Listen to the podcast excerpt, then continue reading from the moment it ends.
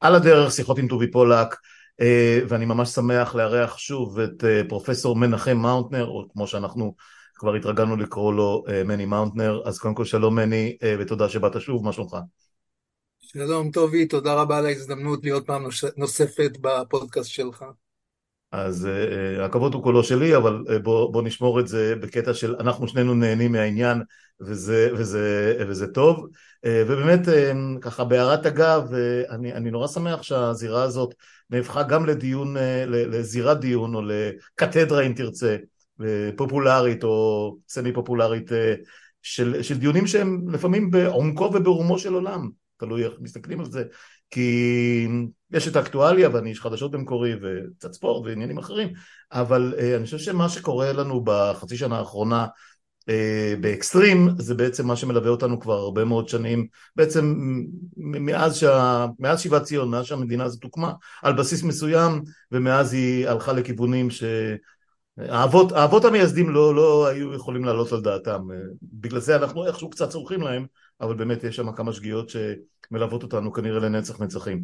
אמ, אתמול בקפלן, אנחנו מדברים עכשיו, זה יום ראשון, אתמול בקפלן אה, נאם אה, אחד מהנמסיסים הגדולים של, אה, של השלטון הנוכחי, אהוד ברק, ראש ממשלה לשעבר, רמטכ"ל לשעבר, איש עסקים בהווה וכן הלאה, אבל קול מאוד מאוד ברור ובוטה וחזק במחאה הזאת, במאבק הנוכחי, ואמר את הדברים כפי שהם, אמר הגיע הזמן לעשות מעשה והמעשה שהוא מדבר עליו הוא קצת צייג אותו, אה, התחיל בלהגיד אה, אה, מרי אזרחי ואז תיקן את עצמו ואמר אוקיי אי ציות אזרחי. וגם בשיחות שלי עם פרופסור אבי שגיא הוא ניסה לרדת לעומקו של העניין ואתה עסקת בזה רבות. אז בוא, בוא נתחיל אולי ב, ב, בסוגיה הזאת. מה בין, באמת בקיצור נמרץ רק בשביל הפתיחה שניכנס לעניינים מה בין אה, מרי אזרחי, שהוא נשמע דבר מאוד מאוד אה, דרמטי, לבין אי ציות אזרחי שנשמע כמו כלי עבודה של, דמוק, של, של אנשים במסגרת דמוקרטית. קודם כל אני מצטער על השימוש של אהוד ברק ואחרים אולי בביטוי מרי אזרחי, הוא נראה לי לא מוצלח, כי נדמה לי שהקונוטציה המיידית שלו היא אלימות וכוח, ולעומת זאת כשאנחנו מדברים על אי ציות אזרחי, אנחנו, אה, אני חושב, מאפשרים לעצמנו להגיד שזה אזרחי, זאת אומרת, זה לא צבאי, זה לא כוחני, וזה אזרחי במובן הזה שזה סיבילי, זה civil disobedience, זה סיבילי, זה מנומס. אני חושב שחשוב מאוד מאוד להתעקש על האופי הלא אלים, על האופי המנומס אה, של הפעולה הזאת. ולכן הביטוי מרי אזרחי, כל פעם שאני שומע אותו, אני מאוד לא שבע רצון מהשימוש במונח הזה. אה, כן, ואתה יודע מה, אמ, אנחנו גם נרד לעומק העניין, כי אה, נכון שמרי אזרחי תמיד איכשהו מתקשר אלינו למרידה צבאית, להפיכה צבאית, לטנקים ברחובות, למראות כמו שראינו, זה לא בדיוק אה, מרי אזרחי, כמו שראינו ביממה, בשתי היממות האחרונות ברחבי רוסיה, כוח וגנר ושות', אבל אני לא משוכנע שזה המצב, אבל אתה יודע, המילים, המילים יש להם כוח משל עצמן. Um, אבל נדבר על כל הדברים האלה. אז uh, זהו, uh, אנחנו בפודקאסט שלי על הדרך, האורח שלי היום הוא פרופסור מני מאונטנר, uh, שיחה שנייה כבר, וכמו שהזכרתי קודם, זה מסוג הדיונים שנטועים עמוק מאוד בעולם העכשווי, במעשה עצמו, ב-hard and soul של הפוליטיקה, אמ, אבל, אבל יש, להם, יש להם רקע והיסטוריה ו, ומונחים אקדמיים והרבה מאוד אה, פילוסופיות, אם אפשר להשתמש במילה הזאת, שהולכות, אה, אני יודע, לשחר, לשחר הדמוקרטיות באשר הן. אה, האם זה באמת שלטון עם? האם העם יכול לשלוט על עצמו? האם השלטון הנבחר יש לו סמכות בלעדית על כל חלקי החברה שהוא שולט בה? כבר דיברנו על הדברים האלה ועוד נדבר. אז זהו, אמ, אני אזכיר לכם שיש גם איזה קמפיין קטן באוויר, הוא עוד לא הושק והכל, אבל אני אשמח אם תיכנסו ותתמכו, אה, כל הפרטים נמצאים בטוויטר, בפייסבוק, בכל פעם שאני מעלה, אה, אני משתדל לא להעיק, אבל בכל פעם שאני מעלה פרק אני מקשר לשם. אה, זה לא עניין של תרומה, זה עניין של באמת שותפות ותמיכה בקטנה, מי שזה מתאים לו. מוזמנים גם לכתוב לי למייל, פולק נקודה טובי בג'ימל. זה P-O-L-L-A-C-K נקודה T-U-V-I כאמור בג'ימל ונשמע את קטע הפתיחה של Silent Regression להקת הבית נחזור לשיחה עם מני מאוטנר עוד שנייה.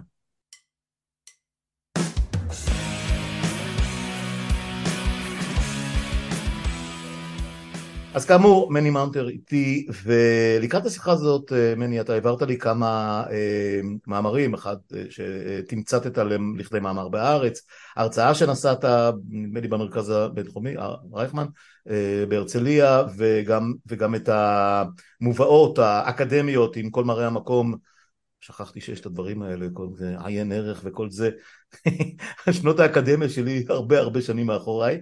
אה, anyway, אי ציות אזרחי, מרי אזרחי, סרבנות, סרבנות מצפון, כל אותם עניינים שבעצם מלווים אותנו מאז ומעולם. אתה ציינת את מלחמת ששת הימים, אבל אני לא משוכנע שגם במלחמת השחרור לא היו דברים מהסוג הזה, ואפילו בימי הפלמ"ח שקדמו למלחמה ההיא, לא כולם תמיד אה, אה, הלכו בתלם, ולא כולם אה, היו מוכנים לקבל את המרות שהוטלה עליהם הרבה פעמים בצדק, לפעמים סתם מתוך, אה, אתה יודע, עצלנות, פחד, אלף ואחד דברים.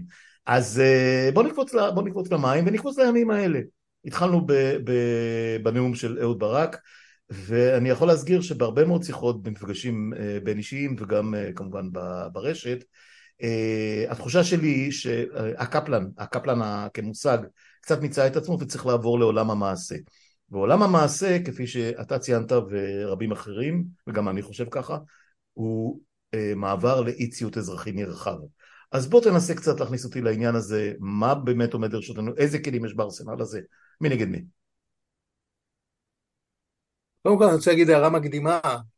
אה, אני חושב שהמחאה עד הרגע הזה, שלא נקטה בצעדים אה, נרחבים מדי של אה, אי ציות אזרחי, ותכף נמנה את הפעולות העיקריות שאפשר לנקוט בגדר, בגדר הקטגוריה הזאת, המחאה לא נקטה כמעט באף צעד של אי-מציאות אזרחי, השתמשה בשתי זכויות ליברליות קלאסיות, שזה חופש הביטוי וחופש ההפגנה.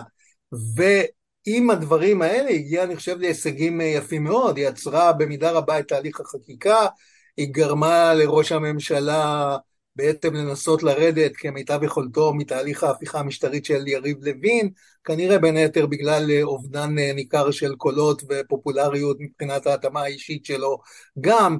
אז קודם כל אה, צריך לשים לב שלא ברור לי לפחות שצריכים ברגע הזה לעבור משתי הפעולות הליברליות הקלאסיות, שזה שימוש בחופש הביטוי וחופש ההפגנה, שצריך לעבור ברגע הזה לאי ציות אזרחי, לא ברור לי. אבל מה שכן צריך זה להיות מוכנים ולהבהיר את האופציה הזאת ומה המשמעויות התיאורטיות שלה ומה המשמעויות המעשיות שלה. אז מהבחינה הזאת אני חושב שהדיון הוא כן בהחלט במקום. אה, ואני רוצה להגיד עוד מילה מקדימה, זה לא דבר פשוט להפר את החוק. אי ציות אזרחי פירושו הפרה של החוק, זה אי ציות של החוק. אנחנו כמשפטנים בוודאי אה, לא יכולים לקחת אה, בקלות ראש מצבים כאלה, אבל זה לא אומר שהתיאוריה הפוליטית הליברלית והמשפט הליברלי, תורת המשפט הליברלי, זה לא אומר שהם אינם מכירים באפשרות הזאת, הם מכירים בהחלט באפשרות של אי ציות אזרחי. אז קודם כל, מה זה אי ציות אזרחי? קודם, קודם כל זה פעולה פוליטית, פומבית, קולקטיבית, של קבוצת אזרחים שרוצה למחות נגד שינויים חקיקתיים או משטריים שהמדינה שלהם מחוללת. עכשיו, מדובר בשינויים מרחיקי לכת שפוגעים באושיות תפיסת הצדק של האזרחים או באושיות המשטר. כן, אז ג'ון רולס אומר, האזרחים מכפיפים את עצמם להתנהגות של החוק שנתבעת מהם על פי החוק, אבל הם לא מכפיפים את עצמם בהכרח להיגיון של החוק החדש שהמדינה אה, מחוקקת אה, בשבילם. והם שומרים על שיקול הדעת שלהם ועל הרציונליות שלהם ועל התבונה שלהם, וכשהם מפעילים את התבונה שלהם, אם האזרחים מגלים פגיעה קשה בצדק, או אם האזרחים מגלים פגיעה קשה באושיות המשטר, כלומר פעולות שעשויות להמיר את המשטר הדמוקרטי ליברלי הנוכחי למשטר אחר, בשני המצבים האלה של פגיעה קשה בצדק ופגיעה קשה במשטר, מותר לאזרחים לנקוט פעולה הזאת של אי ציות אזרחי, שהיא כאמור פעולה פוליטית, פומבית, קולקטיבית, שהמשמעות שלה כמעט תמיד היא הפרה של חוקי המדינה. למדינה מותר להגיב ולהעניש את האזרחים ולהגיד הפרתם את החוק וכל עוד זה בידיי אני אעניש אתכם אבל הכוח של האנשים שנוקטים בצד הזה הוא בדרך כלל המספר המאוד גדול שלהם קשה מאוד להיות אפקטיבי באכיפת החוק אם מדובר בהפרות חוק נרחבות מאוד. כן, כן, זה מה שראינו שקורה ב, ב, במעשה אה, שציינת קודם אה, אה, של הפרת חוק, כמו למשל חסימת כבישים. אתה, למשטרה אין בעיה להעיף מהכביש עם רימוני הלם או בלי רימוני הלם, באלימות או בכוח עשרה אנשים, מאוד מאוד קשה להם להעיף במכה אחת אלף אנשים, ורואים את זה. הדוגמה של חסימת איילון על ידי אלף איש היא דוגמה מצוינת, או דוגמה אחרת זה אם אה, שמונת אלפים איש ישבו על הרצפה אה, סביב בניין משרדי הממשלה ברחוב דרך פתח תקווה פינת קפלן בתל אביב, לא יאפשרו לעובדי המדינה להגיע לשם, לא יעברו, יאפשרו לאזרחים להגיע לשם, יהיה קשה מאוד לטפל באלפי אנשים שעושים אה, דברים כאלה.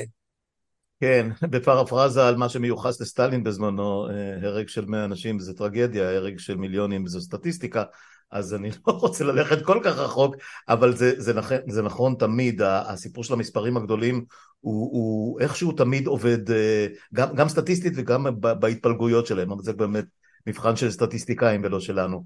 אמ, אז, אז אתה אומר שזה מעבר על החוק, אבל מצד שני, אה, זה מעבר אה, מינורי על החוק, זה לא לקחת חוק לידיים במובן, שוב גם הביטוי הזה הוא תמיד בעייתי בעיניי, כי אתה לא לוקח חוק לידיים, יש חוק אחד, אמ, אמ, הביטוי של זה הוא אה, שיבוש, כבר קראו לזה ימי שיבוש, כאשר כשאנחנו מסתכלים על דברים שקרו, סליחה שאני ישר צולל לזה, בצד השני של המפה הפוליטית, השיבושים שלהם במידה רבה מאוד ובהרבה מאוד מקרים הם כמעט אה, עלולים להיות, אה, לא יודע, טרגיים, אבל אה, פטאליים, אה, לא מדבר כבר על רצח בממשלה, אני מדבר על הנעצים על הכביש, אני מדבר על שמן, אני מדבר על 700 ליטר דלק ששר מסוים אה, נתפס כשהוא אה, לוקח אותו לאיזשהו מקום, יש ויש במובן הזה. לגמרי, אם מדברים על מה שהימין עשה, אז קודם כל שיהיה ברור, הרקורד של הימין הישראלי בהפרות חוק, בקריאות להפרות חוק, הוא לאין ארוך יותר גדול מאשר הרקורד של השמאל הישראלי. השמאל עשה אי ציות אזרחי ובעיקר סרבנות מצפון החל ממלחמת לבנון הראשונה, בתקופת האינתיפאדה הראשונה ובתקופת האינתיפאדה השנייה, וכמובן לאורך כל שנות הכיבוש תמיד היו אנשים שסירבו מצפונית לשרת בכיבוש. זה מה שהשמאל עשה, אבל הימין יש לו רקורד שהוא עשרות מונים הרבה יותר גדול בכל הנוגע להפרת חוקי המדינה מטעמים אה, פוליטיים. קודם כל גוש אמונים, נתחיל בגוש אמונים, שמאמצע שנות ה-70 של המאה ה-20 פעל באופן חד צדדי, אהוד שפרינצק, יעקב טלמון, יהושע אריאלי, כולם גינו את זה במילים חריפות ביותר כתופעות של הפרות חוק בוטות, של השתלטות של קבוצת מיעוט על שיקול הדעת הפוליטי של המדינה, החלפת ההחלטות של המערכת השלטונית הדמוקרטית הנבחרת, בהחלטות שננקטות על ידי קבוצה אה, קטנה של בני אדם. אז קודם כל גוש אמונים יש לו רקורד לא מבוטל אה, של הפרות חוק מטעמים אידיאולוגיים וכאמור אנשים כמו אהוד שפרינצק ויעקב תלמוד ויהושע אריאלי גינו את זה במילים הכי חריפות שיכולות להיות. פינוי ימית ב-1982. האנדרטה, רוב כן. האנשים, רוב האנשים שהיו בימית התפנו מרצון, צריך להגיד את זה, אבל עדיין היה שם קבוצה מסוימת של אנשים שפעלו בכוח נגד הפינוי, נדמה לי שאפילו אה, כן, צחי הנגבי היה... מישהו שהיה שר בממשלה והיום הוא ראש, ראש המל"ל, צחי הנגבי. בדיוק. עכשיו, אני אוסיף עוד שתי דוגמאות של מעשים, אני עדיין מדבר רק על מעשים של הימין. מאמצע שנות התשעים הימין הקים 150 מאחזים מחוץ להחלטות ממשלה. פעולות חד צדדיות של קבוצות אידיאולוגיות קטנות מחויבות שלא פעלו בגדרי תהליכי קבלת ההחלטות הדמוקרטיים של הממשלה הנבחרת. טליה ששון שכתבה על פי בקשתו של אריאל שרון את דוח המאחזים מדברת בשפה של מרד. היא טוענת שהאנשים האלה שהקימו את 150 המאחזים מאז אמצע שנות ה-90 פעלו בדרך של מרד. והדבר שאנחנו רואים שוב ושוב וראינו אותו בסוף השבוע הזה עם הניסיון לשרוף כפר אה, בשטחים זה נוער הגבעות. נוער הגבעות זה תופעה של הפרת חוק בוטה שמתבצעת כבר עשרים ויותר שנים מדי יום ביומו בדרך של פגיעות אלימות גם בפלסטינאים באופן יומיומי, בגוף וברכוש של הפלסטינאים, גם בחיילי צבא וגם באנשי שמאל שנזעקים להגן על הפלסטינאים. אז אם מדברים על הפרות חוק, הרקורד של הימין הוא נרחב ביותר. אני רוצה להדגיש בניגוד לזה, המחאה עד היום, הימין אומר השתוללות בכבישים ומנפח כל מיני דברים. הרקורד של המחאה בשבעת שמונת החודשים האחרונים הוא רקורד של ציות כמעט מושלם לחוק. מיליוני בני אדם יצאו פעם או פעמיים אפילו בשבוע לרחובות, מיליוני בני אדם. המקרים שבהם האנשים האלה הפרו את החוק היו ספורים ביותר, אפשר למנות אותם על אצבעות יד אחת, ולכן אני כתבתי בארץ, כשהימין מדבר על השתוללות בכבישים, הוא פשוט משקר, לא הייתה השתוללות, הייתה שמירת חוק כמעט מושלמת, לא מושלמת, אבל כמעט מושלמת, בלילה של פיטורי גלנט חסמו באמת את איילון והעבירו שם אה, מדורות וכולי וכולי, אבל הרקורד הוא אה, של המוחים עד היום הוא כמעט מושלם, ובאשר לרחובות, הרי מדברים על השתוללות ברחובות, איפה אתם רוצים שיעשו את ההפגנה? הפגנה כאמור היא אה, שימוש בחירות פוליטית ליברלית קלאסית, איפה אפשר לעשות הפגנה אם לא בכיכרות וברחובות? אז אין להשוות בכלל את הרקורד של הימין מבחינת התנהגויות של הפרת חוק לרקורד של השמאל, גם בשנים שלפני המחאה, כלומר בשנים של מלחמת לבנון הראשונה, האינתיפאדה הראשונה, האינתיפאדה השנייה וסירוב השירות בשטחים, בכיבוש, וגם בחודשים האחרונים במסגרת המחאה. אין מה להשוות בכלל. כל מי שאומר אחרת, פשוט אומר דברים שאינם נכונים. כן, אנחנו חוזרים תמיד למקרים הקיצוניים, אה, רשימת הנרצחים אה, אה, מצד אחד ורשימה שלא קיימת של נפגעי הגוף. בדיוק ככה. בצד השני, פה שאלה בכלל, זה... זה אגב, הם, הם כל הזמן חוזרים גם, אתה יודע, לרצח דהן ול, ולסיפורי אלטלנה והסזון וכל הסיפורים האלה, אבל זה כל כך מופרך וכל כך לא שייך לענייננו, ואתה יודע, כשמדברים על אלטלנה זה הרי היה ניסיון, נכון שבגין במידה רבה נניח התנגד לו, אבל בן גוריון היה מאוד נחוש מולו, גם אז הניסיון היה אה, ללכת על הראש של הממלכה עם אוניית נשק פיראטית, אז אה, גם בזה לא הייתי, אם הייתי הם, לא הייתי מתגאה כל כך. נדמה לי שיש לנו אמירה במקורות שלנו שהרוצה לשקר ירחיק את עדותו. כן. מי שנדרש להרחיק עד רצח דהן, שזה שנות ה-20 אני זוכר נכון. פנטלנה, כן. אז הוא בצרות אם כך. אה, הוא בצרות, אבל הוא השלטון. אתה יודע, אחרי שאמרנו את כל זה, אה, they are in power, ומה שאנחנו רואים כרגע אה, של השבת ה... לא אוהב להשתמש במונחים היסטוריים, אתה יודע, לא ליל בדולח ולא שבת שחורה, אבל בוא נגיד אה, ככה, במונחים הצנועים שלנו, זה, זה אפשר, אפשר לתת בו, לתת בשבת הזאת סימן כלשהו. הסיפור עם רוסיה קצת העיב על, ה, על העוצמה של הדברים האלה, כי החדשות קצת הלכו למקומות אחרים, אבל זאת הייתה שבת של השתוללות חסרת רסן. אה, אה, כל הצדיקים הגדולים נכנסו למכוניות בשבת, כן, זה פיקוח נפש שדוחה שבת, עד כדי כך. הדליקו אש בשבת. הדליקו אש בשבת וירו בשבת באש חיה. אה, בבגדים אזרחיים, חלק מהם חיילים בסדיר שפשטו את המדים, וכן הלאה והלאה. השלטונות לאורך כל הדרך, נדמה לי שרבין היה היחיד, היחיד שהיה עקבי וזעם על כל הגילויים האלה. עוד, עוד מימיו כשר ביטחון בקדנציות הראשונות, כראש ממשלה בקדנציה הראשונה ואחר כך שר ביטחון בקדנציות של הממשלות אחדות וכן הלאה. כל השאר היו נורא סלחנים, כולל פרס, כולל, כולל אה, אה, שרים בצד, באגף הימני של מפלגות העבודה, אם זה גלילי וטבנקין אה, אה, שהיה, טבנקין אה, ושמיר, ש... לא, לא, לא יצחק שמיר, משה שמיר, שהיו בין מקימי ארץ ישראל השלמה וכן הלאה.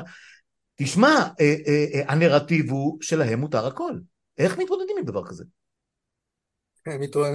מתמודדים עם זה על זה שהם מדברים על עקרונות היסוד של המשטר שצריכים להיות שהממשלה היא שתפעל והיא שתקבל את ההחלטות ולא קבוצות אה, מיעוט קטנות. אז עכשיו תשאל אותי, אז זה הרי בדיוק מה שעושה המחאה.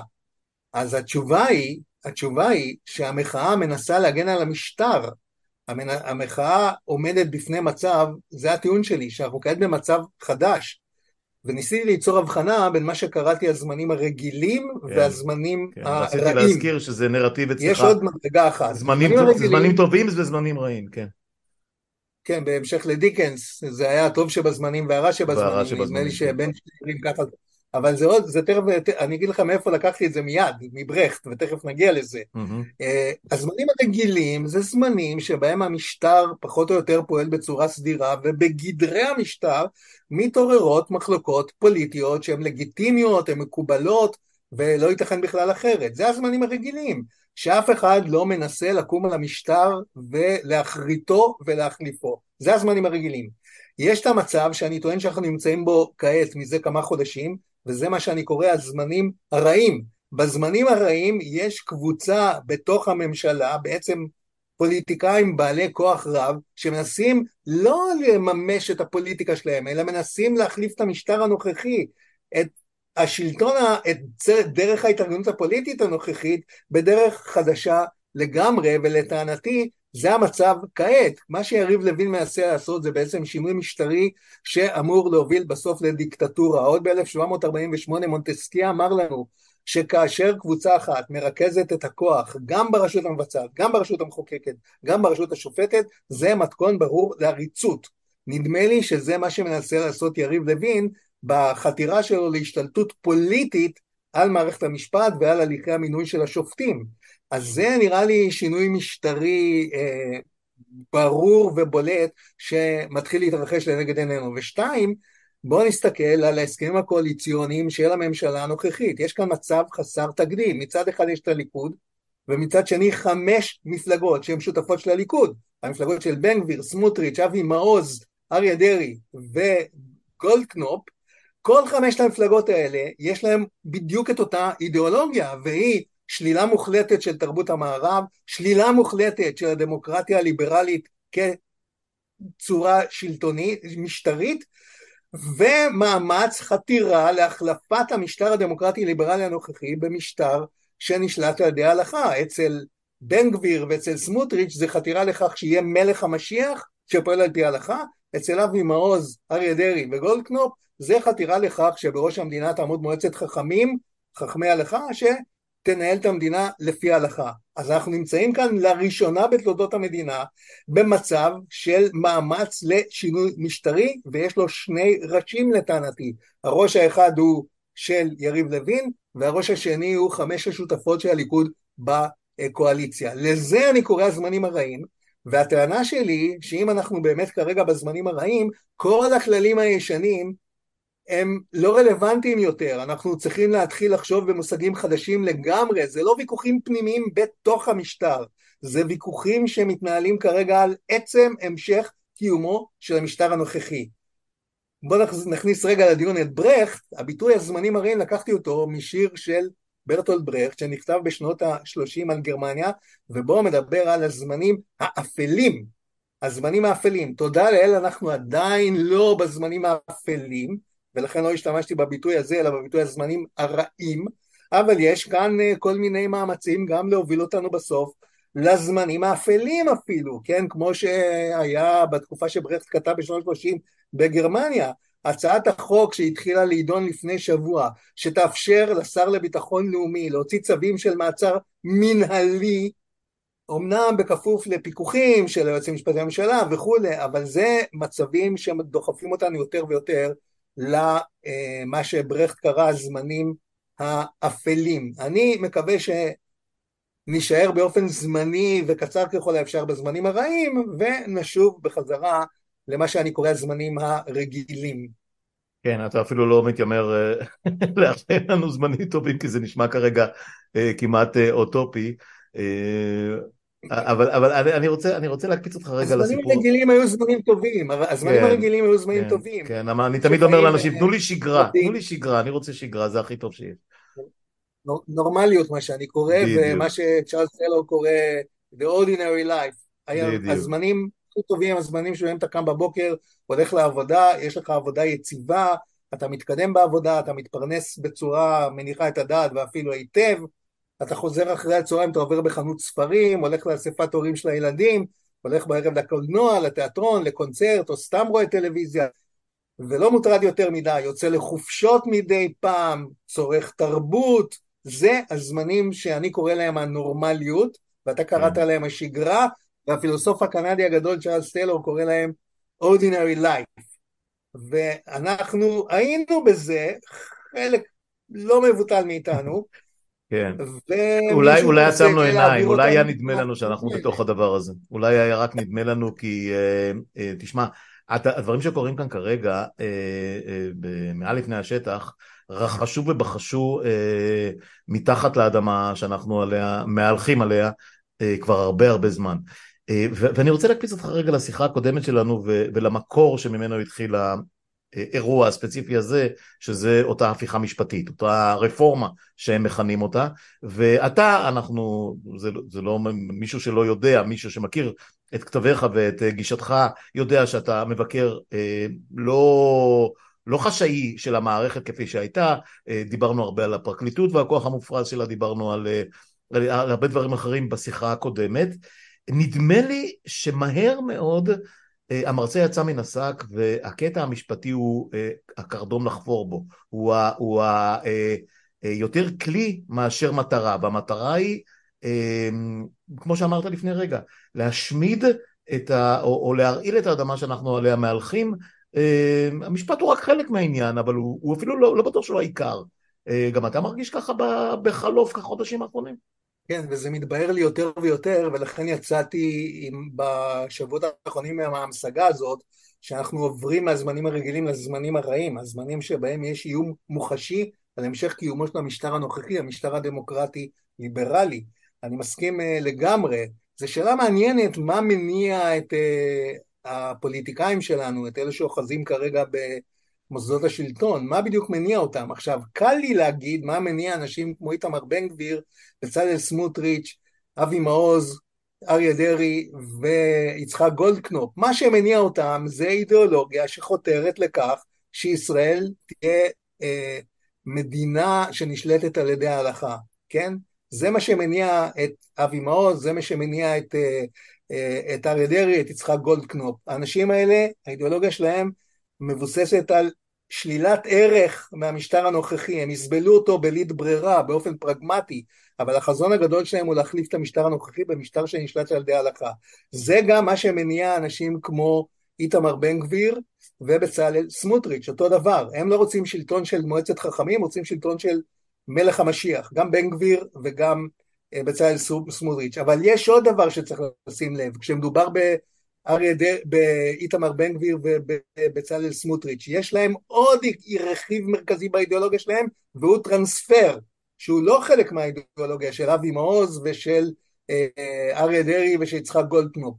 בן גביר וסמוטריץ' עומדים גם בשביל טרנספר, ובן גביר ינסה לעשות את זה בדרך כזאת או אחרת, והוא פועל בהתמדה לטענתי רגע רגע לעשות את זה. אז מה שמניע את חמש המפלגות ששותפות לליכוד, זה כמו שאמרתי, רצון להשליט במדינה שלטון הלכתי בגרסה כזאת או בגרסה אחרת. שניים מהשותפים, המפלגות של בן גביר וסמוטריץ', מפלגות שרוצות גם לחולל טרנספר. וברור שמערכת המשפט היא האויב בהידיעה של שני הדברים האלה. האויב בהידיעה של המאמץ להחליף את השלטון הנוכחי הדמוקרטי ליברלי, כי מערכת המשפט היא המגלם בהידיעה ושל הערכים שלו, ומערכת המשפט גם עשויה לשבש את הפגיעות שהימין הישראלי, בעיקר בן גביר וסמוטריץ', רוצים לחולל בשטחים ולפגוע גם בתושבי השטחים ולהגדיל מאוד את מספר המתנחלים בשטחים ולתפוס קרקעות בשטחים וכולי וכולי. אז מה מניע אותם זה ברור. מה מניע את הליכוד זה הרבה יותר קשה לי אה, להשיב. אני לא בדיוק מצליח לפענח את הדמות של יריב לוין, אני לא יודע לעשות פסיכולוגיזציה של אנשים ובטח לא של פוליטיקאים ולא בטח שלא יש כאן איזשהו משהו פסיכולוגי בשורשי ההתנהגות שלו שגורם לו לעוינות עצומה למערכת המשפט. אנשים אומרים שכשהוא היה עורך דין צעיר יכול להיות ששופטים פגעו בו, יכול להיות שופטים פוגעים, יש לי תיאוריה אחרת שאני רוצה להציע לגבי יריב לוין, והנה שלא שמענו אותה עד עכשיו. תיאוריית השדה של פייר בורדיה. פייר בורדיה, בורדיה, הסוציולוג הגדול של התרבות במחצית השנייה של המאה העשרים, מדבר על השדה כמקום שיש בו עמדות ומיקומים שמאפשרים הפעלת כוח. עכשיו, לפי בורדיה, אם אתה אדם צעיר ורוצה להיכנס לשדה של פעילות, אתה מסתכל ומגלה שהרבה מאוד מהעמדות הן תפוסות על ידי בעלי כוח. ואז לפי בורדיה יש לך שתי אופציות פעולה. אחת זה להצטרף לבעלי הכוח ולעשות את מה שהם כבר עושים, ואז אתה תהיה חקיין, אתה תהיה פיגון, אתה תזכה בתגמולים שהשדה מסוגל לתת, אבל לא באמת תיזכר כמשהו חשוב בתולדות השדה, אתה תהנה מהחיים הטובים שהשדה נותן, נותן לאלו שהולכים בשגרה של אה, בעלי הכוח בשדה. או, אומר בורדיה, יש לך אסטרטגיית פעולה אחרת, והיא לנסות לתפוס מיקום פנוי בשדה, שעוד אף אחד לא תפס אותו, וממנו לנסות להפוך את השדה על ראשו, ולהיות הגיבור הבא של השדה והשולט הבא של השדה. זאת מאוד מסוכנת, אומר בורדיה, אם היא מצליחה אתה תהיה המלך החדש של השדה. אתה תהיה בעל מאחזי הכוח הגדולים בשדה. אם תיכשל, יעיפו אותך החוצה מהשדה, אף אחד לא יזכור אותך יותר. נדמה לי, אני ככה מנסה להעלות השערה, שיריב לוין, תיאוריית השדה של פייר בורדיה חלה עליו. זאת אומרת, הנה פוליטיקאי צעיר, שיש לו רצונות אה, לכוח פוליטי, הוא נכנס לשדה הפעילות הפוליטי, מגלה שהרבה מאוד עמדות תפוסות, אבל יש אחת שאף אחד לא תפס אותה באמת, והיא לנהל מלחמת חורמה במערכת המשפט.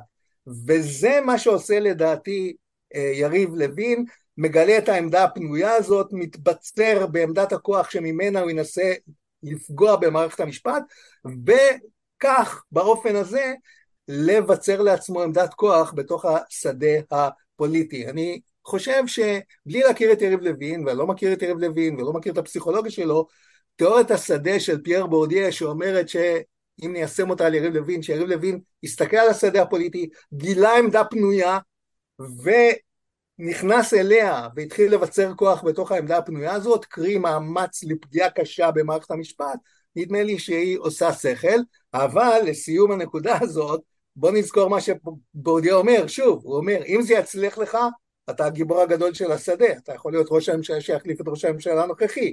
אם תיכשל, המערכת הפוליטית, המער... הקריירה הפוליטית שלך תיקטל ותסתיים באיבה.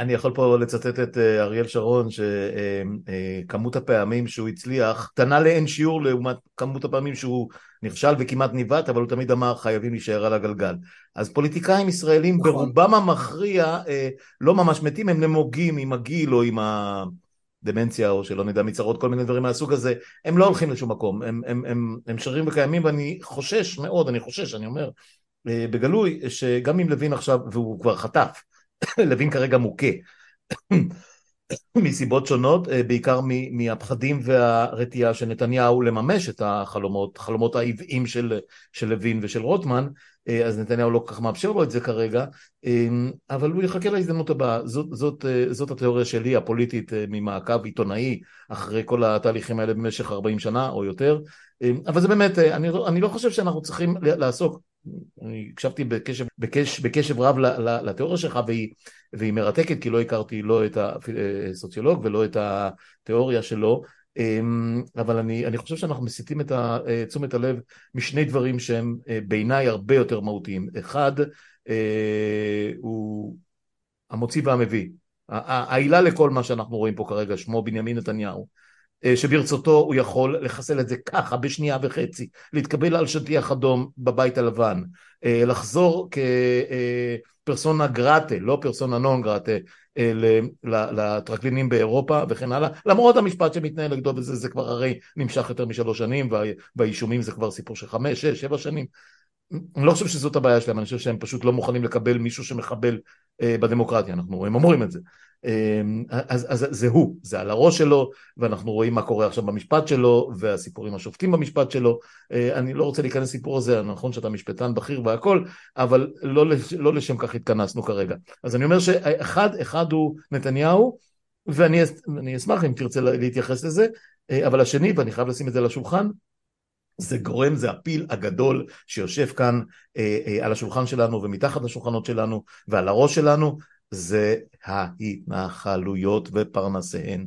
הסיפור הזה של אף שעל, של מורשת אה, הרבנים קוק, של גוש אמונים, של הלוינגרים והחנן פורטים והאליצורים וכל מי שירש אותם, זה האסון הכי גדול שנפל על, על, על, על, על העם היהודי, אה, עזוב עכשיו את הסיפור של השואה, אני לא מדבר על המתחדש, אוקיי? מאז שיבת ציון ועד עצם, אה, ועד עצם היום הזה, ואף אחד לא מסוגל לגעת בו ואף אחד לא מסוגל להזיז אותו, ומי שניסה, אה, לא נעים לי להגיד, נרצח.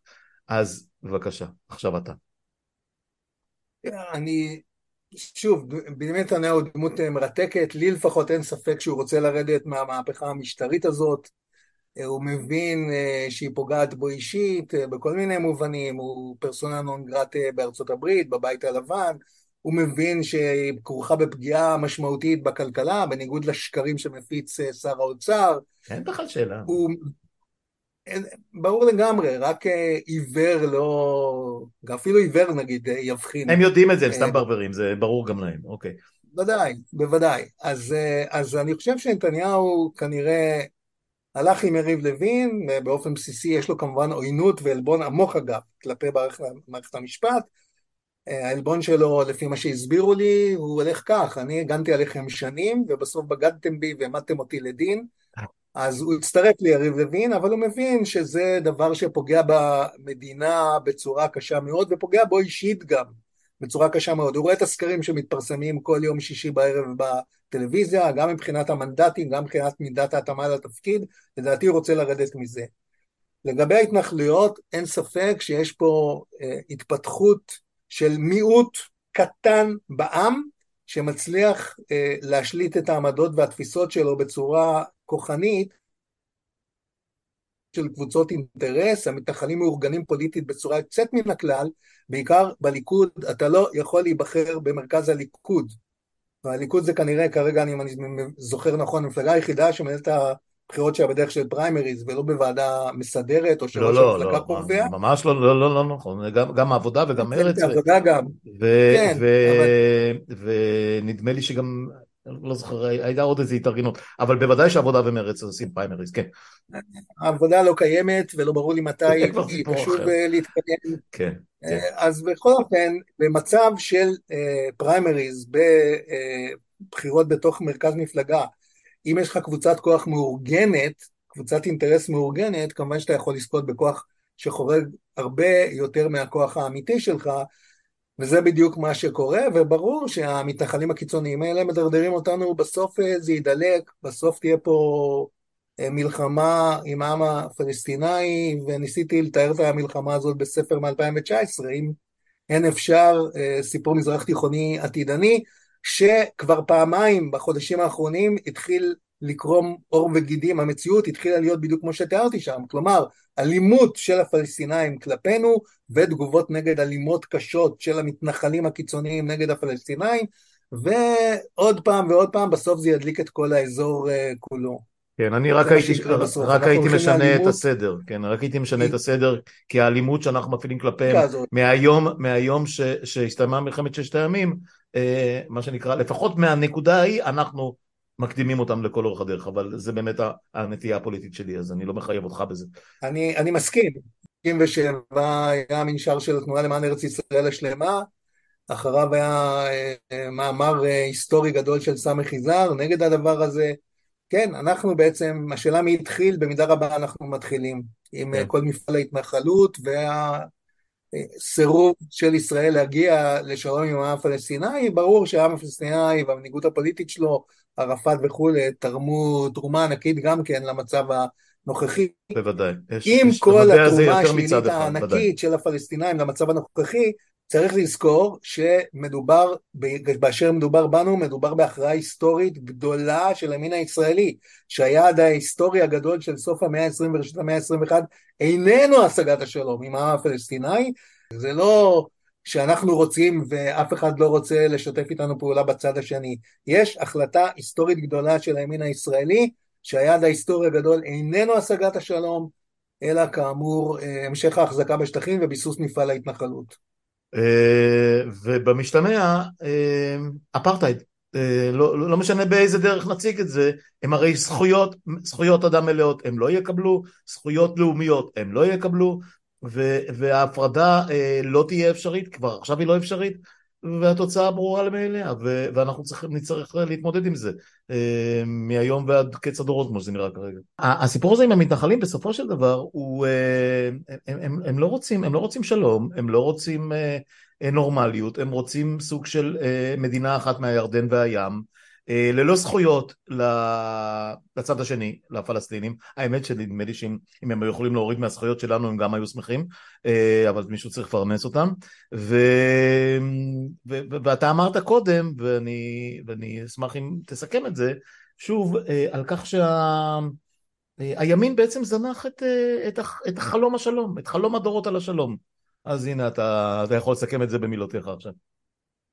לגמרי, אני חושב שמה שיש כאן זה הכרעה היסטורית אה, גדולה של הימין הישראלי כבר לפני כמה עשורים, בעצם משנת 77, אה, שהיעד הלאומי העליון בעשורים האחרונים של המאה ה-20 ובראשית המאה ה-21 איננו צריך להיות השגת השלום עם העם הפלסטיני, אלא המשך ההחזקה בשטחים וביסוס מפעל ההתנחלות בשטחים. אה, לגבי החזון, חלק מהמתנחלים לפי דעתי יש להם חזון של טרנספר. הכהניסטים שתומכים אה, באיתמר בן גביר, לגמרי ברור לי שהם בעד טרנספר, זאת המשנה של הרב כהנא, וגם התומכים של הרב יצחק גינזבורג, אני לא בטוח שבצלאל סמוטריץ' הוא תלמיד ישיר שלו, אבל ברור שלרב גינזבורג יש השפעה הרבה מעבר לתלמידים הישירים שלו, למשל אחד מהם נראה לי סמוטריץ', וגם הוא נראה לי אחד שהפתרון הפוליטי האמיתי שהוא דוגל בו זה טרנספר, וקודם לכן כמובן החזקה של ישראל בשטחים עד נהר הירדן. אז זאת המציאות שאנחנו נמצאים בה, זו מציאות מאוד מאוד נפיצה מבחינה ביטחונית, מאוד מאוד בעייתית, עוד לפני הטרנספר, מבחינת אה, דיני זכויות האדם, אה, יש לנו מאבק לא פשוט. כן, כן, אמ, ואם נחזור רגע ל, ל, לעניין שממנו התחלנו, אמ, רצית, רצית להשלים עוד כמה דברים אה, בהקשר של, ה, של המאבק פה בין בני האור לבין, לבני החושך, אם תרצה, אה, של, של שוחרי הדמוקרטיה מול, אה, מול אלה שהדמוקרטיה היא עוד אפשרות, לא בטוח, לא בטוח ש, שהיא המועדפת עליהם. בבקשה. אז דיברנו על מעשים שעשה הימין הישראלי, כן? שזה גוש אמונים, פינוי ימית, ההתנגדות לפינוי ימית, אה, הקמת 150 מאחזים שמחוץ לפרוצדורות הרגילות של קבלת החלטות אה, על ידי הממשלה, אה, נוער הגבעות, שזה מעשים זה יומיומיים. לא, זה כבר לא נוער ולא גבעות, זה פשוט פושעים בסמכות וברשות. בכל מקום. אני מסכים לגמרי, אין לי מילים פחות חריפות מאשר להגיד שאלה פושעים, שנהנים אה, מגיבוי של המשטרה ושל המערכות הלוגיסטיות של משרד הביטחון ושל המחלקה להתיישבות וכל הדברים האלה, אין לי ספק. אז במעשים הימין, אתה יודע, אה, ג'ון לוק הפילוסוף הגדול אמר deeds speak louder than words, אז מעשים מדברים יותר בקול רם ובעוצמה מאשר דיבורים, מאשר מילים.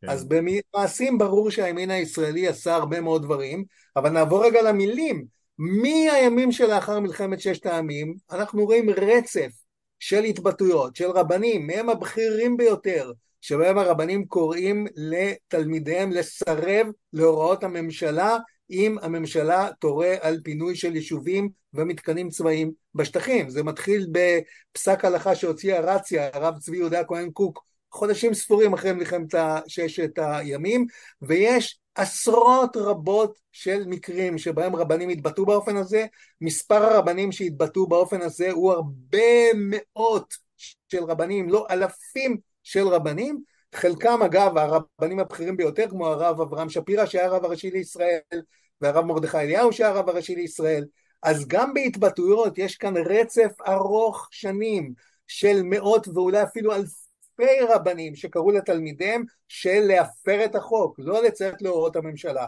והדבר הבא והאחרון, שהוא הבדל מכריע, אולי הכי מכריע, הסרבנות של הימין בלבנון, באינתיפאדה הראשונה, של השמאל, סליחה, בלבנון, באינתיפאדה הראשונה, באינתיפאדה השנייה, בשנות הכיבוש, וגם עכשיו אם תהיה סרבנות, גם עכשיו אם יהיה ציות, כל אלה נעשים בגדרי התיאוריה הפוליטית של הליברליזם ובגדרי תורת המשפט הליברלית. זאת אומרת, המשפט הליברלי והתיאוריה הפוליטית הליברלית מכירים בכך שייתכנו מצבים שבהם אזרחים ימענו לציית לחוק ויעשו אי ציות אזרחי או סרבנות מצפון. אז זה בגדרי התיאוריה ש... שבגיד, ש, של המשטר הישראלי שהוא משטר דמוקרטי ליברלי. מה שהימין עושה זה קריאות לסרבנות ולאי ציות מחוץ לתיאוריה הפוליטית הדמוקרטית ליברלית ולמשפט הדמוקרטי ליברלי, אלא מכוח ההלכה. כל ההצדקות לסרבנות של הימין נעשות מכוח ההלכה. זאת נקודה מכרעת שצריך לשים אליה לב. ההלכה, חוץ מאשר בדיני המשפחה שחלים על יהודים בישראל, איננה חלק ממשפט המדינה, ולכן כל הקריאות של הימין לסרבנות ולהפרת חוק נעשות מכוח מערכת משפטית שאיננה חלק מהמשפט של מדינת ישראל, וזה ניגוד מכריע בין הקריאות של הימין לבין uh, קריאות לאי ציות אזרחי וסרבנות מצפון של נעשות בשמאל, לרבות בימים האלה בגדרי המחאה נגד המהפכה המשטרית של יריב לוין. כן, אה, אני רק אוסיף פה, אה, וזה משהו שאני לוקח איתי מהשיחה הלפני הקודמת עם פרופסור אבי שגיא, שהוא בפירוש הבדיל, ואתה כמובן מכיר את הבידול הזה, בין סרבנות מצפון לסרבנות מאורגנת, בין סרבנות מצפון לאי ציות ולמרי, ואני, ואני פה אכניס מה שלא דיברנו אבי ואני בשיחה בינינו, ואתה עכשיו הזכרת את זה וחשוב לי מאוד לחדד את העניין, הסרבנות המצפונית, רוב הסרבנות השמאלנית נקרא לה, אה, במקרה פגשתי אתמול אה, מלש"ב, בחור ש... אה, אותו ואת אביו בהפגנה פה בהוד השרון, שראיינתי אותו ואת חבריו כשהם סירבו פעם אחרי פעם מסיבות מצפון להתגייס לצבא, אני מדבר איתך על בחור בן 17-18, וה... וישב בכלא כמה חודשים טובים.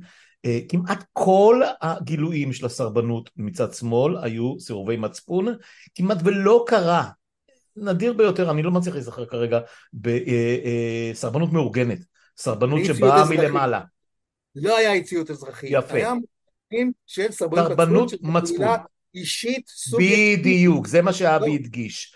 סרבן המצפון אה, אה, לא כופר ב, ב, בסמכות המדינה, לא כופר בצורך שהמדינה מחליטה אה, לעשות X או Y או Z, הוא אומר אני לא עומד בזה, אני מבקש שתכירו בזה שאני מסיבות אישיות, מסיבות נפשיות, מסיבות רגשיות, מסיבות של פחד, מסיבות רפואיות, whatever, לא יכול לעמוד במטלה הזאת שהמדינה מטילה עליי ואני מסרב מצפונית.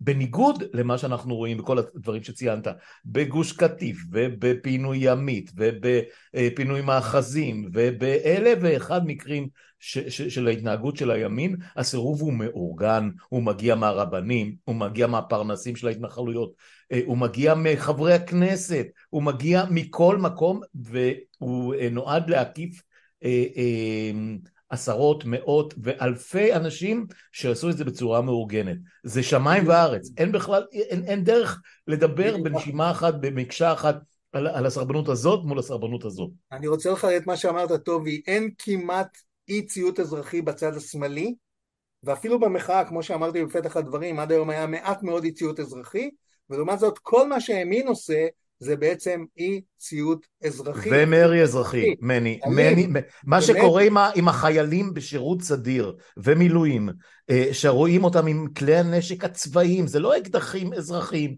אה, להגנה עצמית, זה כלי נשק אה, התקפיים, שהם מסתובבים איתם כמו בעלי הבית, ויורים בדודי שמש, ויורים גם באנשים, זה, זה, זה, זה פשע, זה מרי אזרחי פושע. זה, זה מרידה בשלטון, אני לא יכול להגדיר את זה. אז התחלנו עם ההבחנה בין מרי אזרחי לבין כן. אי-ציות אזרחי. מה שעושים בשטחים זה לא כל כך סרבנות מצפון, אולי יש גם את זה, זה בעיקר אפילו לא אי ציות אזרחי, זה מרי אזרחי. יפה, יפה. לא נשכח מה שאמרה טליה ששון, שתופעת אה, המאחזים זה מרד, היא קראה כן, לזה מרד. בדיוק. ומרד כן. בשמאל, בצד השמאלי של המפה הפוליטית הישראלית, לא היה מעולם. פשוט לא, לא היה. היה. הם תמיד, אגב, הם יגידו אודי אדיב, אבל זה, הפרשיות ריגול מוצדקות לא מוצדקות, היו או לא היו, זה כבר סיפור אחר לגמרי, פשוט אין דוגמאות כאלה, אין. אין דוגמאות, ואני אומר שוב, מדגיש פעם שלישית בשיחה שלנו, עד עכשיו המחאה עשתה מעט מאוד אי ציות אזרחי, היא בעיקר נכון. השתמשה בזכויות... כן, חסימת איילון ו... והפרת, כן, הפרה, הפרה של אה, סרטי, סרטים צהובים של המשטרה מול בתים של אנשים. עד עכשיו המחאה השתמשה בזכויות ליברליות קלאסיות, שזה חופש הביטוי וחופש כן. ההפגנה.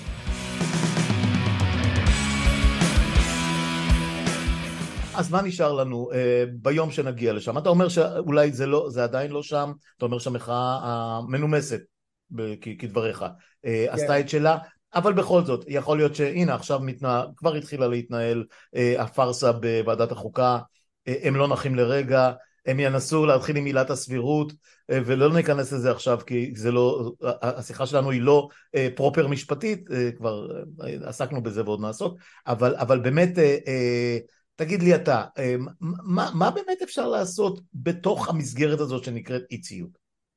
יש תקדימים לא מעטים בעולם, קודם כל של מרד מיסים.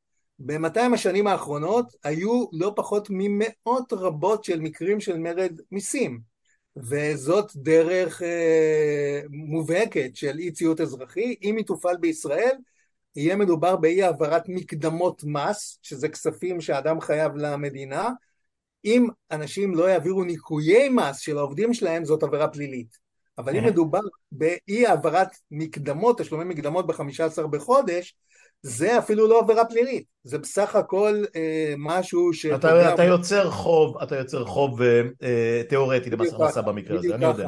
אני, אני עצמאי, אני מכיר את זה. כפוף לקנס וכפוף לריבית. אבל זה אפילו לא... אם, אם, אם באמת תרוויח, אתה יכול גם אה, בסופו של דבר לא להרוויח, ואז ממילא לא היית צריך לשלם את המקדמה. גם נכון, אני כן. התייעצתי כאן עם אה, רואי חשבון בעניין הזה, זה מה שלמדתי. אי העברת אה, מקדמות מס ב-15 בחודש זה אפילו לא עבירה פלילית. אז מרד מיסים זה דרך שיש לה היסטוריה של מאות מקרים במאות האחרונות, שביתה כללית, היה איזה שביתה של איזה שמונה... עכשיו שביתה כללית, לא, אז, אז אתה יודע מה, אני, אני, אני, אני אנסה להתייחס, אה, אה, מה שנקרא פריט פריט. תראה, מרד מיסים משמעותי שיפגע באמת במדינה, קודם כל זה יפגע בנו, אז זה בעיה. זאת אומרת, אה, זה, זה, זה פגיעה עצמית. אה, שקשה מאוד לכמת אותה כרגע, אבל אני לא חושב שזה ממש ריאלי. א', כי רוב, רוב האוכלוסייה היא שכירה. ו... ושכירה ברמות שאפילו לא משלמת מיסים, זאת אומרת, אה, אה, הרי סביב שכר המינימום פלוס מינוס, אה, כמות המיסים שמשולמים היא, היא כמעט שולית. אז, אז זה כמעט לא נוגע ל... לא יודע מה, 60-70 אחוז מהעובדים במשק. וגם לאלה שמרוויחים יותר, אתה שכיר, זה מנוקה לך במקור, אתה לא שולט בזה, זה לא יעזור.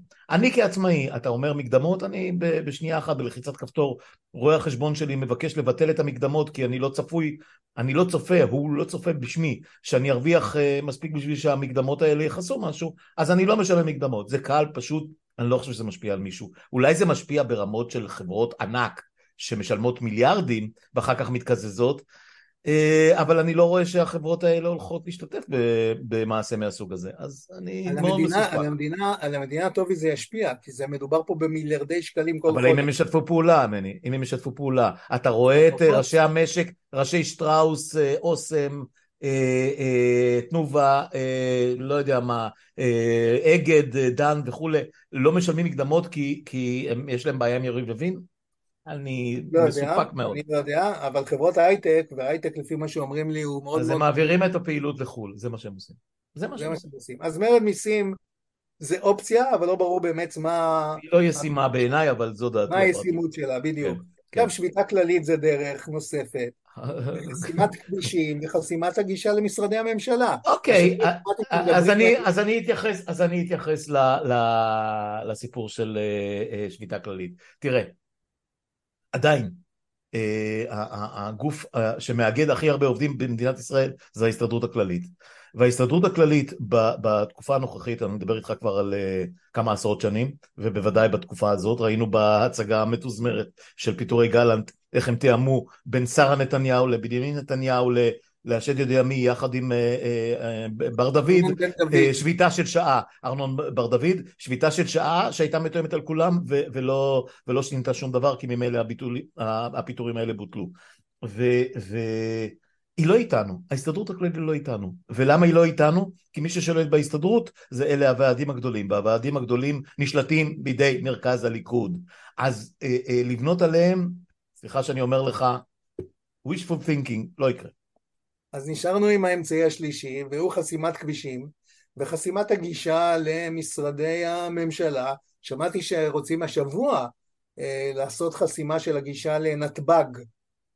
אה, זה תהיה פגיעה מאוד מאוד קשה. אין דבר שיותר מעצבן אנשים מאשר כשהם בדרך לחוץ לארץ, וחוסמים להם פתאום את הגישה לשדה התעופה, וכל היציאה שלהם מחוץ לארץ או החופשה של המשפחה משתבשת. כן. זה בעיה גדולה מאוד, זה יגרום ל counter productive, לאפקט נגדי לדעתי. נכון, נכון. נגד נכון. המחאה, זה רע מספיק לחסום כבישים כשאנשים ממהרים, יש כל מיני... או אמבולנס שלא יכול לעבור, יש הרבה אפקטים לדברים האלה. אז אני מקווה שיהיה שכל ויאפשרו לאמבולנס לכבש. לא, מאפשרים, אבל אם יש פקק, יש פקק, אתה יודע איך זה עובד. נכון, אז זה... אז זה, זה לא סימפטי, ולכן אני חושב שזה הישג גדול של המחאה, שעד היום היא כמעט לא נקטה בצעדים האלה, ועדיין הגיעה להישגים לא מבוטלים בכלל. כן. כן, ראש הממשלה ירד מהתוכנית הזאת, הוא בעצם עושה את זה ב, בעל כורחו, אבל אם היה לו חופש פעולה פוליטי יותר גדול, הוא היה יורד מהמחאה לגמרי. אז אני חושב... יש לו, הסלחנות הזאת הורגת אותי, לא, לא, לא, לא מאשים אותך, אבל להחליט, להחליט שהזנב לוין מחשקש בכלב נתניהו, זה כל כך דיסקרדיטציה לנתניהו. זה, תקשיב, מני, אני, אני, אני אה, אה, לא כתב פוליטי ולא כתב מדיני, אבל אני עוסק בתחום הזה אלף שנה. אה, זה על הראש של נתניהו. עזוב, אין לו שום אילוץ. הוא יכול להחליט מחר בבוקר שגם לוין עף וגם בן גביר עף.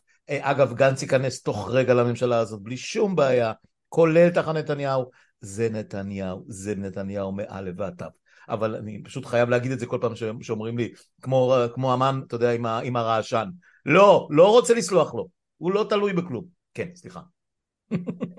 קשה לי לכפור או לאשר את זה, אני לא כל כך מבין בנתניהו. אה, אני מסכים שהוא פוליטיקאי עם רמת, ה... רמת הפעולה היא מדהימה, הרי ברור שהוא פוליטיקאי מיומן שמעטים כמותו, זה make sense לגמרי מה שאתה אומר, עדיין אני חושב שהוא באיזשהו אופן כן שבוי בידי ה... המיית הקול של מרכז הליכוד, שכנראה הוסתר הרבה שנים, ובמיוחד בחודשים האחרונים, נגד מערכת המשפט, ורוצה איזשהו שינוי במערכת המשפט. לרדת לגמרי הוא לא יוכל. אוקיי. אמ, תשמע, מה, ש, מה שאני חושב עליו, לא הזכרת את זה אז אני אזכיר, אה, א', אמ, שבירת הכלים. אה, האופוזיציה יכולה להגיד, כמו שעם הסיפור עם בית הנשיא, תפסיקו לעבוד עלינו, אנחנו, תעשו מה שאתם רוצים, אנחנו לא הולכים לשתף פעולה עם הפארסה הזאת, אה, אה, תעשו דברים במעמד צד אחד, נפגוש אתכם ברחובות, ושגנץ, לפיד, מיכאלי, whoever, ייפגשו עלי בריקדות ויעשו מעשה מחאה ולא מעשה פוליטי שהם ממילא לא עושים, הם פשוט לא עושים שום מעשה פוליטי, זה אחד. הדבר השני זה ניתוק. ניתוק של, אה, של אה, אתה דיברת על חברות הייטק, לא, לא, לא, לא אי תשלום מיסים, ניתוק, פשוט ניתוק מגע מהפקידים, ניתוק מגע מהמשרדי הממשלה. אה, אתם תעשו מה שאתם רוצים, אנחנו לא באים. מנהלי בתי ספר, מפקחים, ראשי אגפים, פשוט להגיד אתם פוליטיים, אתם מחרבים לנו את כל מפעל חיינו, איתכם אנחנו לא מדברים. בואו נראה אותם מסתדרים עם זה, זה לא כך פשוט, זה לא כך פשוט. והדבר האחרון, אני אשמח אם תתייחס לכל הדברים כמקשה אחת בסופו של דבר, זה להפעיל אה, את מה שכבר התחיל, את השלטון המוניציפלי שברובו הגדול, בגלל שהוא נבחר כמעט הרבה מאוד שנים כבר בבחירות אישיות וחלק מהם ממש התנתקו ממרכזי המפלגות, אה, להפעיל אותם כסוג של אוטונומיות, זה קורה ביישוב שאני גר בו, זה קורה בתל אביב בהרבה מאוד מקרים, אה, ולהתחיל לנהל את עצמנו בעצמנו. כמה שפחות להתעסק עם המדיניות של הממשלה. אבי מעוז רוצה להגיע, או שליחיו להגיע לאיזשהו בית ספר, יעמדו הורים שם ויגרשו אותו עם מקלות. הוא לא יתקרב, הוא לא יתקרב אלינו. אה, אה, רוצים לשלוח אה, מורים לחיזוק המורשת, ווטאבר, החוצה, הם לא פה. וזה אפשרי. אז הנה, עכשיו אתה. עם זה אני מזדהה לגמרי, טובי, נכדתי הבכורה אנה עומדת להיכנס לכיתה א' בחודש ספטמבר הקרוב. אם האנשים של אבי מעוז ירצו להיכנס לבית הספר שלה, הם ימצאו אותי עומד בפתח וחוסם אותם, ועוד מאות רבות של הורים בדיוק. יעשו את זה. ותל אביב כבר הודיעה שהיא לא תיתן כניסה לאנשים האלה, כן. ועוד רשויות מקומיות, עוד השרון, מודיעין נדמה נכון. לי גם כן, זה דרך מצוינת. אני רוצה להגיד לסיכום הנקודה הזאת, זה קשה לי לדבר על הפרת חוק, אני משפטן. אנחנו יודעים שהחובה הראשונית, לא היחידה, של האזרח כלפי מדינתו, היא לציית לחוק. אז קשה לי במיוחד כמשפטן להמליץ על זה, אבל אפילו תורת המשפט הליברלית והתיאוריה הפוליטית הליברלית שתיהן מכירות בכך שייתכנו מצבים שבהם דרך הפעולה הנכונה לאזרחיה של מדינה זה כן להפר את החוק. וזה אם המדינה עושה מעשים חמורים של חוסר צדק או אם המדינה מתחילה לפעול לשינוי המשטר של המדינה כמו שנעשה בהונגריה, כמו שנעשה בפולין, כמו שנעשה אולי בטורקיה, כמו שמתחיל להיעשות בישראל. אז עם כל הכאב שיש לנו בלהמליץ על הפרת חוק, נדמה לי שבמצב הנוכחי אין לנו ברירה אלא להגיד זה דרך הפעולה הנכונה כדי להגן על המשך קיומו. שוב, אנחנו לא עוד חיים בזמנים הרגילים שאנחנו יכולים לערוג אליהם ולהיות סנטימנטליים אליהם, הזמנים הרגילים נגמרו לפני שמונה או שבעה חודשים, אנחנו חיים במה שאני קורא הזמנים הרעים, ובזמנים הרעים קמים על המשטר הדמוקרטי-ליברלי של המדינה לכלותו, להכריתו, ואנחנו צריכים לעשות כל דבר, ובלבד שלא יגיע כדי אל, אלימות שפוגעת בגוף, צריכים לעשות כל דבר כדי להגן על המשך המשטר שלנו. ואמרו אמן, אני כמובן מסכים עם כל מה שאמרת עכשיו, אני רק אזכיר שלא לא, לא, לא נגענו בזה, ואולי טוב שלא נגענו בזה כי אני עוסק בזה בשיחות אחרות רבות, בכל מה שקורה בצבא, ומה שקורה אולי יתחיל לקרות באיזשהו שלב גם בשב"כ, כי יש אנשים טובים ו, אה, ומבינים אה, בתחום הזה. אני קצת פחות סומך על המשטרה, ראינו גם את המועמד מטעם עצמו, מטעם בן גביר למפכ"לות, אה, ש, שקובע שאין דבר כזה הפגנות בלי מגבלה, שאנשים יפגינו ביום הבחירות. לא, אם זה מה שצפוי לנו... הוא אומר, יש לכם בעיה, תלכו ליום הבחירות, ובין שני כן, כן, כן, בחירות, אין לך אפשרות להפגין יותר. כן, כן שזה, שזה, שזה פנטסטי, זה, זה ממש מספר, ה, מספר הבוחרים של רוסיה וסוריה ביחד. מדהים, מדהים הסיפור הזה. ובן אדם הזה יכול מחר להיות מפכ"ל, אני לא חושב שזה יקרה כי הוא סינדל את עצמו ו- ותהיה פה כזאת מחאה שאני לא בטוח שזה יעבור, אבל, אבל זה לא משנה, זה שניצב, שזה דמות בכירה ברמה, מה שנקרא, דרג אחד פחות ממפכ"ל, בכלל מעז לדבר בצורה כזאת, אמר לי אבי שהם חייבים לדעת, שהם חייבים להיות, להיות מלומדים. אמרתי לו, אוקיי, הם חייבים, בסדר. כן, נגד הפגנות ובעד בחירות, זה לא מוציא לא, את השני. זה... בחירות זה חשוב, אבל בין בחירות לבחירות מותר גם לעשות הפגנות. חכה, בשלב הבא, בשלב הבא גם בחירות, אתה יודע, איך אמר שלדון אדלסון בזמנו? בתנ"ך לא כתוב דמוקרטיה, מי אמר? בתנ"ך לא היו בחירות, אתה יודע. מה לעשות? סנהדרין. אנחנו נעמוד, בד... נעמוד בפרץ ונעמוד בשער ונחסום כן, את כן, כן. ה... מה נשאר לנו, אתה יודע, בשלב הזה של חיינו כאן אחרי כל השנים האלה. נכון, ונותר לנו לדבר, כמו שאנחנו עשינו בשעה האחרונה. לדבר, לצאת לרחובות, כן. כן. לצאת לרחובות ולהתבטא בכתב ובעל פה ולהסביר בדיוק, ולקוות שנצליח. כן, כן.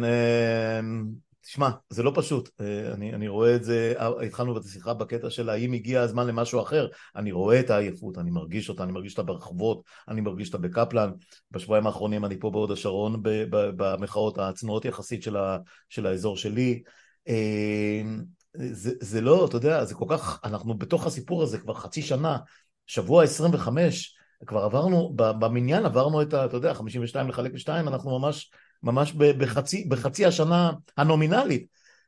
לא פשוט בכלל, לא פשוט בכלל, ולא מובן מאליו, ואתה יודע, לאנשים גם יש חיים. ואני לא רואה את, ה, את הריליף, אני לא רואה את האור בקצה המנהרה בינתיים. אני מקווה שהוא יגיע, אבל רק שזה לא היה רכבת בצד השני. המון לפניי, זה יהיה מרתון. כן. תודה רבה, תודה רבה על השיחה הזאת. אה, הסכמנו, אני חושב, על, כמעט על הכל, אה, אבל זו חוכמה קטנה, ככה זה בדרך כלל עם האורחים שלי. אה, ו, אבל אני חושב שהבהרנו כמה מושגי יסוד שמאוד חשוב, מאוד חשוב היה לדבר עליהם, כי הדברים מתערבבים לאנשים, הרי אתה יודע, זה לא משהו שאתה מתעסק איתו בימי חייך הרגילים, ופתאום אתה צריך להבין בהמון דברים, המון, המון מושגים מתחום המשפט, מתחום הדמוקרטיה, דברים שהיו מובנים מאליהם לכולנו, בלי שאתה צריך לגעת בהם בכלל, הם, הם היו, כמו שאמרת, הזמנים הרגילים שלנו, ופתאום אנחנו בזמנים רעים. תודה, תודה רבה על השיחה הזאת. תודה גדולה לך, טובי, על ההזדמנות אה, לשוחח איתך. תודה רבה. הכבוד כולו שלי. נתראה וזה גם לא, אני כבר אומר לך, זו לא הפעם האחרונה. ביי ביי בינתיים. אני אשמח מאוד מאוד, תודה רבה.